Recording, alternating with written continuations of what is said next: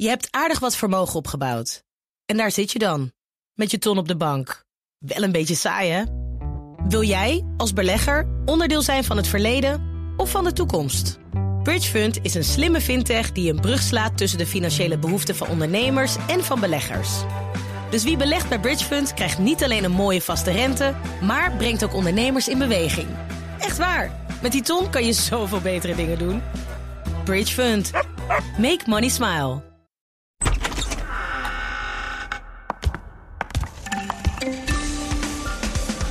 Oh, Hoekstra is al binnen. Hoekstra is al binnen. Hoor ik van de collega's hier.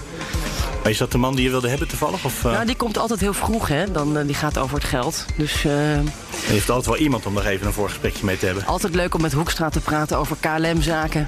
En hoeveel aandelen die nu weer gaat kopen. oh, daar komt een, weer een chique auto voorbij gereden met een minister erin. En het eigenlijk geblindeerde ramen, kan je zien wie erin zit? Nee, ja, die zijn dan geblindeerd, dus het is altijd, altijd heel spannend om te kijken wie er dan uitkomt. Of ken je de kentekens uit je hoofd?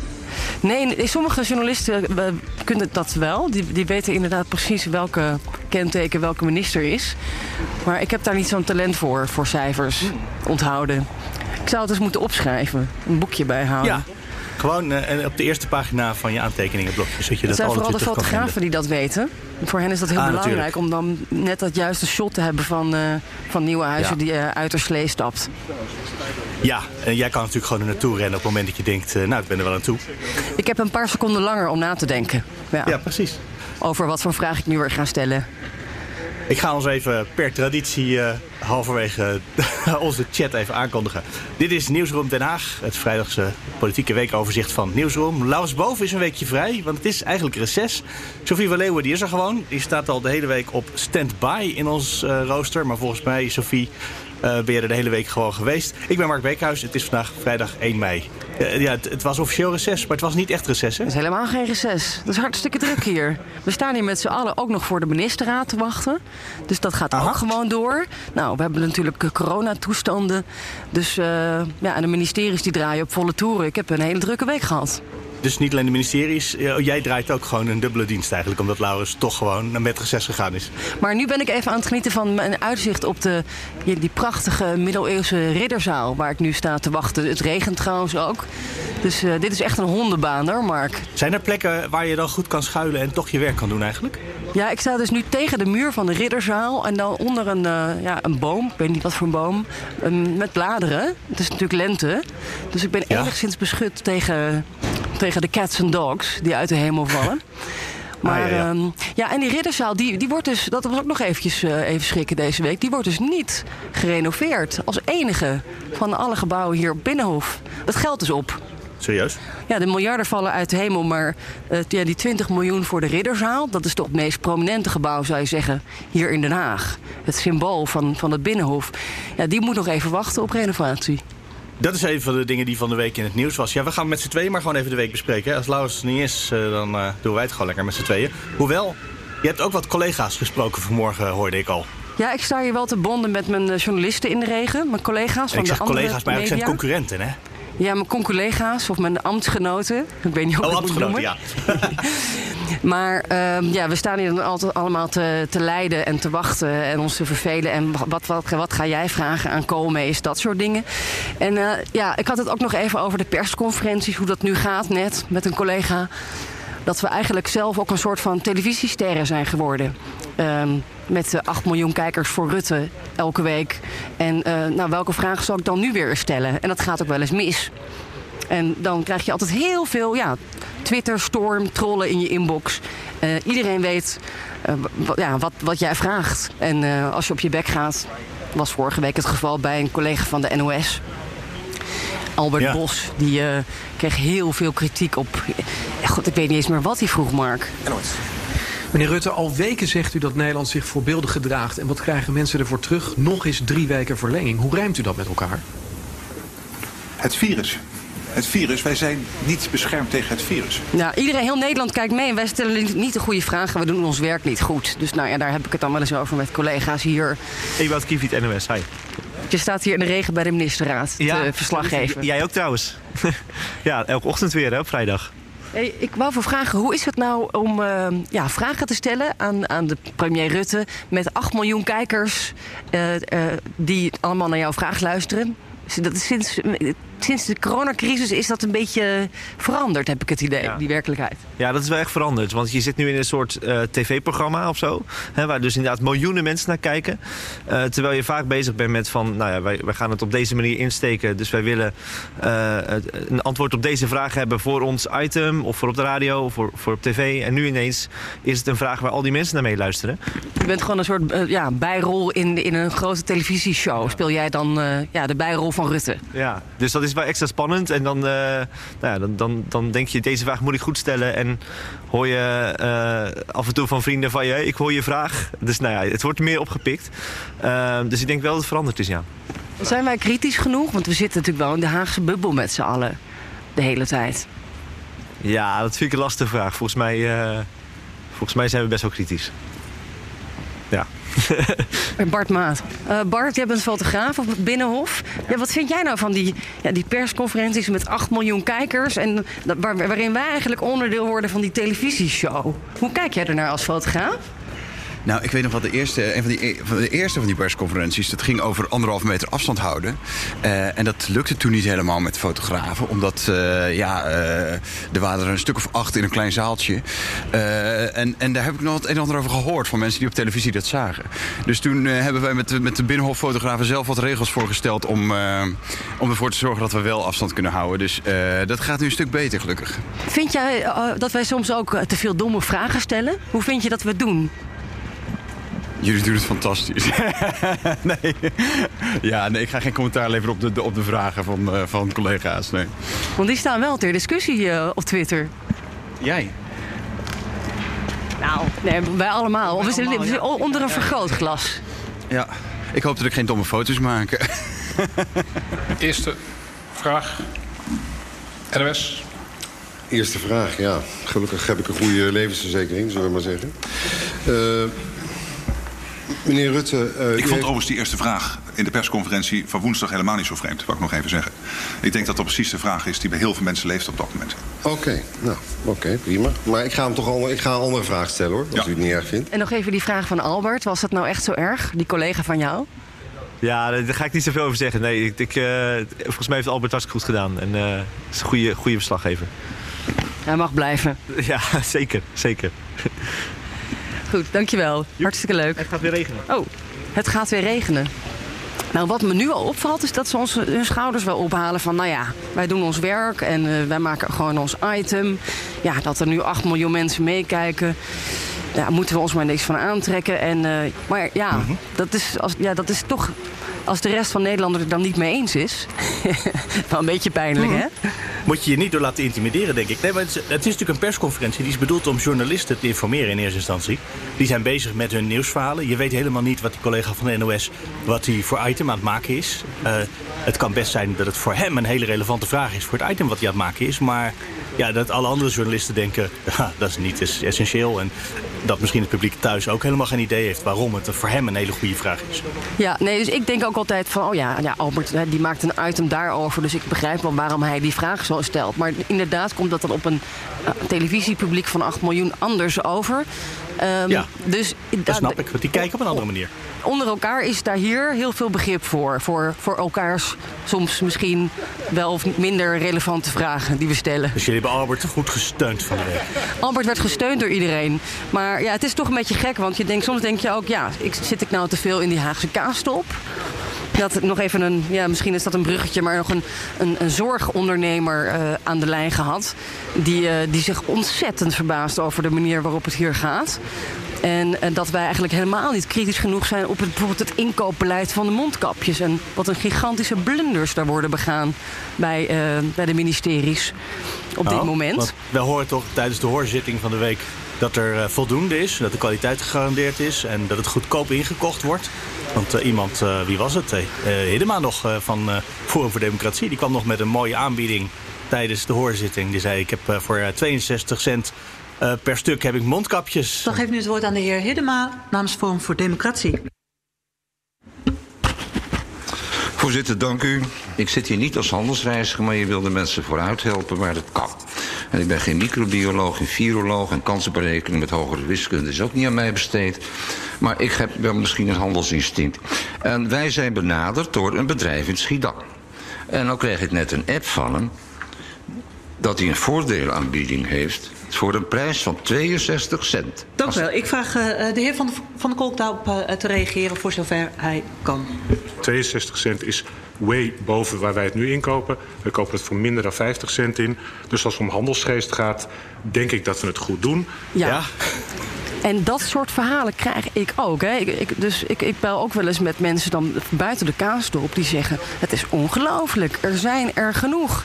En, uh, wij, maar wij hebben altijd gezegd in Den Haag dat het niet nodig was. Maar eigenlijk ja, is, is dit gewoon een, een falende, falende minister en een falende overheid.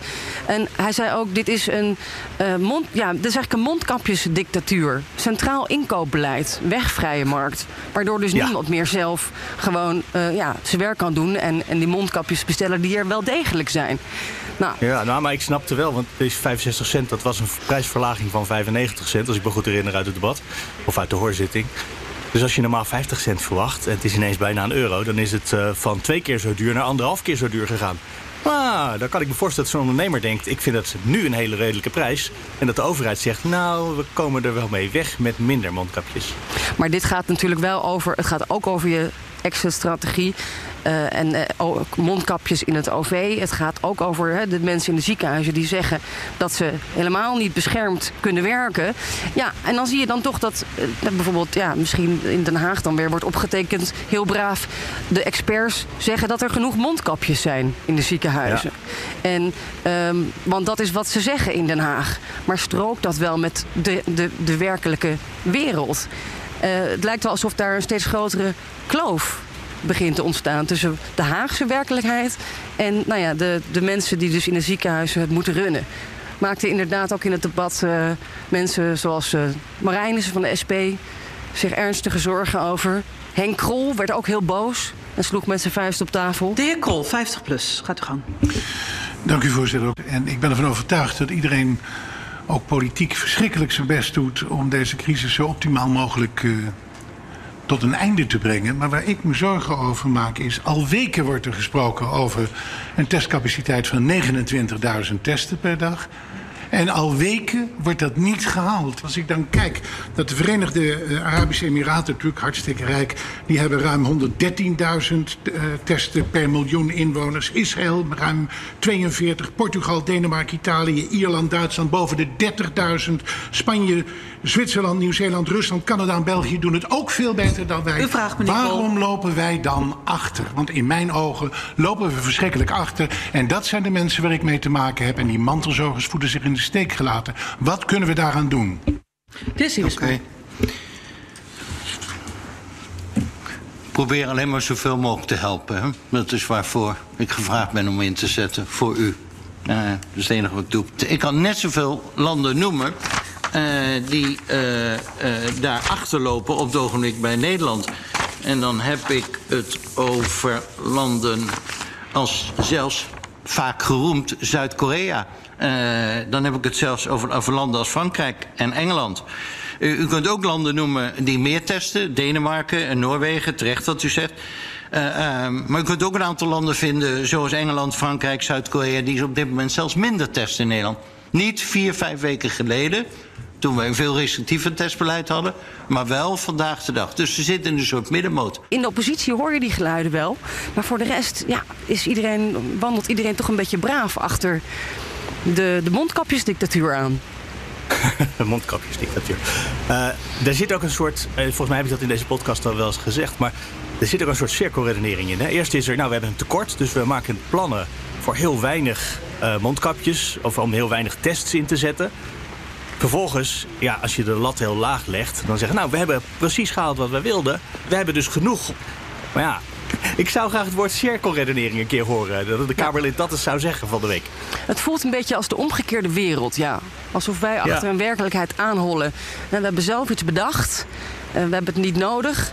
En uh, ja, plotseling blijkt de wereld er toch wel anders uit te zien. Um, oh, daar komt nu een minister aan, Koolmees. Ik, ik ren er even naartoe als je dat goed vindt. Zeker. Goedemorgen. Ja, mooi hè? Ja. Even Ligt altijd in de auto. een vraag stellen over de cao's? Eh, want het lijkt erop dat die eh, niet verhoogd gaan worden de komende tijd. Want de cao-besprekingen liggen helemaal stil. Ja, dat vind ik ook eerlijk gezegd niet zo verbazingwekkend. Eh, omdat het eh, voor heel veel eh, vakbonden, maar ook voor werkgevers... on- onduidelijk is wat er gaat gebeuren de komende periode. En die onzekerheid vertaalt zich gewoon in een standstill in de CO-behandeling. Mark? Ja? Oh, ik ben echt helemaal nat geregend nu. Ja, Ome is onder, de- die had een witte paraplu heeft hij meegenomen. Ik ga weer even onder mijn boom staan. Gaat hij niet heel sociaal dan onder zo'n boogje staan, zodat jullie ook droog kunnen staan? Nee, die helaas. die, nee, nee dat gaat allemaal volgens protocollen met een rood eh, draadje. Een hekje waar die achter staat. Voor de ingang van het ministerie van Algemene Zaken. En ja, de vraag was of hij het minimumloon wil verhogen. Maar ja, Ah. dat, eh, ja, daar heeft hij eigenlijk geen antwoord op. Dat eh, wordt iets voor het, eh, misschien de, nou ja, 2020. Of voor de volgende kabinet. Oké, daar heeft helemaal geen haast wat hem betreft. Oh, er Nou komt ja. weer een auto aanrijden. Dus kijken, wie hebben Ja. we daar? Ah, mevrouw van Engelshoven. Die rent naar binnen door de knallende regen. Wouter Koolmees keihard lachen. Hoe zij gepakt wordt hier. Oh, dat is meneer Blok. Misschien moet ik hem ook nog even spreken. Mag dat? Zeker. Eh, onze volle inzet is om alle Nederlanders die naar huis willen naar huis te brengen. Ik ben erg blij dat het gelukt is. Ik heb u ook aangegeven dat we een dringend beroep gedaan hebben om de schrijnende gevallen in ieder geval naar huis te laten gaan. Daar was deze vlucht een invulling van. Ik waardeer dat dat kon. Eh, Maar er zijn nog steeds mensen die naar huis willen. Ja, maar toen was toen geheimzinnig, omdat u nou, niet wilde dat het zou mislukken. Is dat ook waarom u nu weer geheimzinnig bent? Mijn doel is dat de mensen naar huis kunnen. En, en daarom eh, eh, geef ik het nieuws wat ik kan geven. En dat is op dit moment nog niet dat ik al een nieuwe vlucht kan beloven. Maar wel dat mijn volle inzet is dat het weer kan. Dus er is wel een kans dat er zondag weer een vlucht is. Het blijft onze inzet. Minister Blok onder een D66 uh, paraplu. Die wordt nu even in de zijk genomen. Die had hij zelf meegenomen. Ja, dat hij reclame maakt voor, eh, voor de concurrentie. Dat was even minister Blok om te vertellen dat, eh, dat er volgens mij weer een paar mensen in het vliegtuig zijn gestapt uit Marokko. Dus die had goed nieuws. Ze zijn nog niet allemaal terug, maar eh, nou, hij wordt hard aan gewerkt. Kom je eigenlijk tegenwoordig nog wel eens op de redactie Eh, welk, in Amsterdam? Eh, nou, daar ben ik al heel lang niet meer geweest. En jij? Ik was daar woensdag voor het eerst in zeven weken. Dus ik had ook een fotootje getwitterd van een bijna helemaal lege redactie. Wat sec nog op die foto zitten helemaal geen mensen. Helemaal uitgestorven. Allemaal mensen die toch meteen reageerden dat ze heel jaloers waren. Allemaal collega's. Ik wil ook, ik wil ook. Maar het was eigenlijk heel eenzaam. De, je, waar was niemand? Het was eigenlijk heel saai daar natuurlijk. Ja, precies. Van, ja, de, de redactie, een redactie is energie. Hè? Daar zijn mensen met elkaar aan het praten, en aan het denken, en aan het bellen. Er gebeurt van alles de hele tijd. Dingen gaan mis, dingen gaan goed. Nou ja, Eh, dus daar, ja, dat gebeurt allemaal nu niet. Maar wat deed je daar dan eigenlijk? Eh, ik heb één dagje ingevallen bij, eh, bij de radio. En de podcast vanaf huis maken, dat vind ik wel prima. Maar een radioprogramma vanaf huis presenteren, dat is nog net weer een beetje anders. Dus ik dacht, eh, dat ga ik dan daar doen. Ik heb ingevallen voor eh, BNR Digitaal. Voor de mensen die dat nog even terug willen horen. En er zitten een paar mensen live uitzendingen te maken. Maar de meeste redacteuren zitten natuurlijk toch gewoon vanaf thuis eh, interviews voor te bereiden. Mensen te, te organiseren die geïnterviewd kunnen worden. Het nieuws uit te zoeken. Dus het is echt, ja, het is toch een beetje... Het, het, ja, het was goed om er weer even te zijn. En tegelijkertijd viel het toch een beetje tegen. Zoiets. Het was niet zoals vroeger, Het, nee, en dat is... eh, voor de coronatijd. ik, eh, ik begrijp dat bij eh, het FD, de co- collega's van de krant, dat daar gesproken wordt over. Die hebben ongeveer 300 mensen die daar aan de krant werken, alles bij elkaar. Dat er straks waarschijnlijk ruimte is voor 100 mensen fysiek in het pand. Nou, dan zit dus twee derde altijd thuis te werken. Of in ieder geval, dan is er elke dag is, is hooguit een derde van de mensen daar. Dat zal bij ons misschien ook wel komen. Tenzij we natuurlijk met mondkapjes op radio kunnen gaan maken. Dan eh, wordt het misschien allemaal weer wel mogelijk. Ja, ik, eh, nee, ik, maar ik denk dus ook dat het, eh, het is niet zoals het vroeger was. Maar dat duurt ook nog heel lang voor het weer wordt zoals het vroeger was. Hé, hey, daar is Grapperhaus. Oh. Wacht even hoor.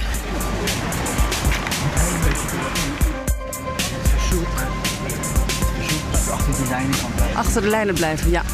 Sorry. Oh, ik hou me weer niet aan de regels. Nou, die eh, gele plopkap die zit onder de regendruppels inmiddels. Ik ga hem weer even afdrogen. Moet je net met de minister van Justitie doen, om niet aan de regels te houden. Ja, ik heb daar altijd een beetje moeite mee. met een beetje ja, grensoverschrijdend gedrag. Nou, het is bijna klaar, denk ik. Eh, Het is tien uur. Bijna alle ministers zijn binnen. De ministerraad gaat bijna beginnen. Ik denk het, ja.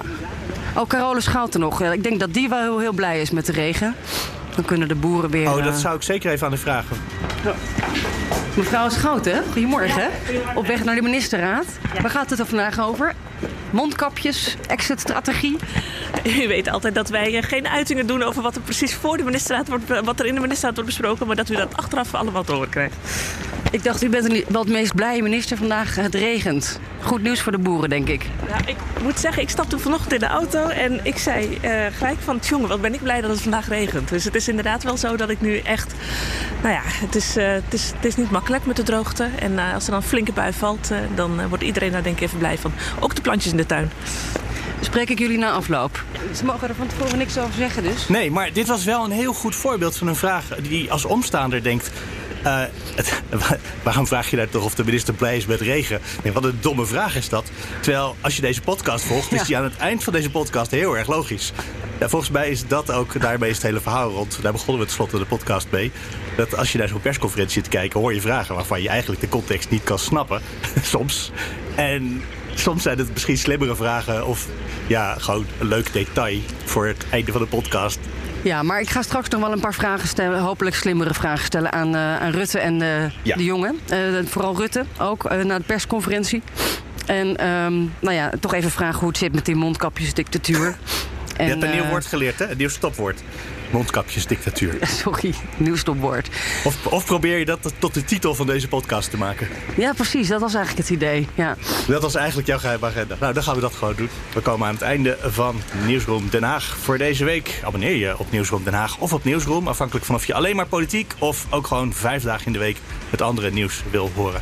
Daarvoor ga je even naar bnr.nl slash nieuwsroom of bnr.nl slash nieuwsroom Den Haag. Tot volgende week zeg ik bijna, maar volgende week heb ik een weekje vrij notabene. Maandag, dinsdag is 4 en 5 mei, maar woensdag en donderdag en vrijdag dan valt Paulien Sewuster in. Oh, leuk. Paulien volgende week. Alright. Ja. Gaan we dat doen? Hartstikke goed. En dan is Lauwers er ook weer, denk ik.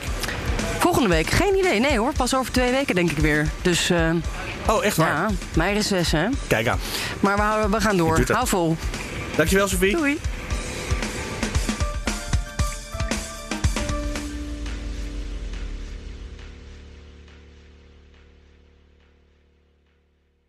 Je hebt aardig wat vermogen opgebouwd. En daar zit je dan, met je ton op de bank. Wel een beetje saai, hè? Wil jij, als belegger, onderdeel zijn van het verleden of van de toekomst? Bridgefund is een slimme fintech die een brug slaat tussen de financiële behoeften van ondernemers en van beleggers. Dus wie belegt bij Bridgefund krijgt niet alleen een mooie vaste rente, maar brengt ook ondernemers in beweging. Echt waar, met die ton kan je zoveel betere dingen doen. Bridgefund. Make money smile.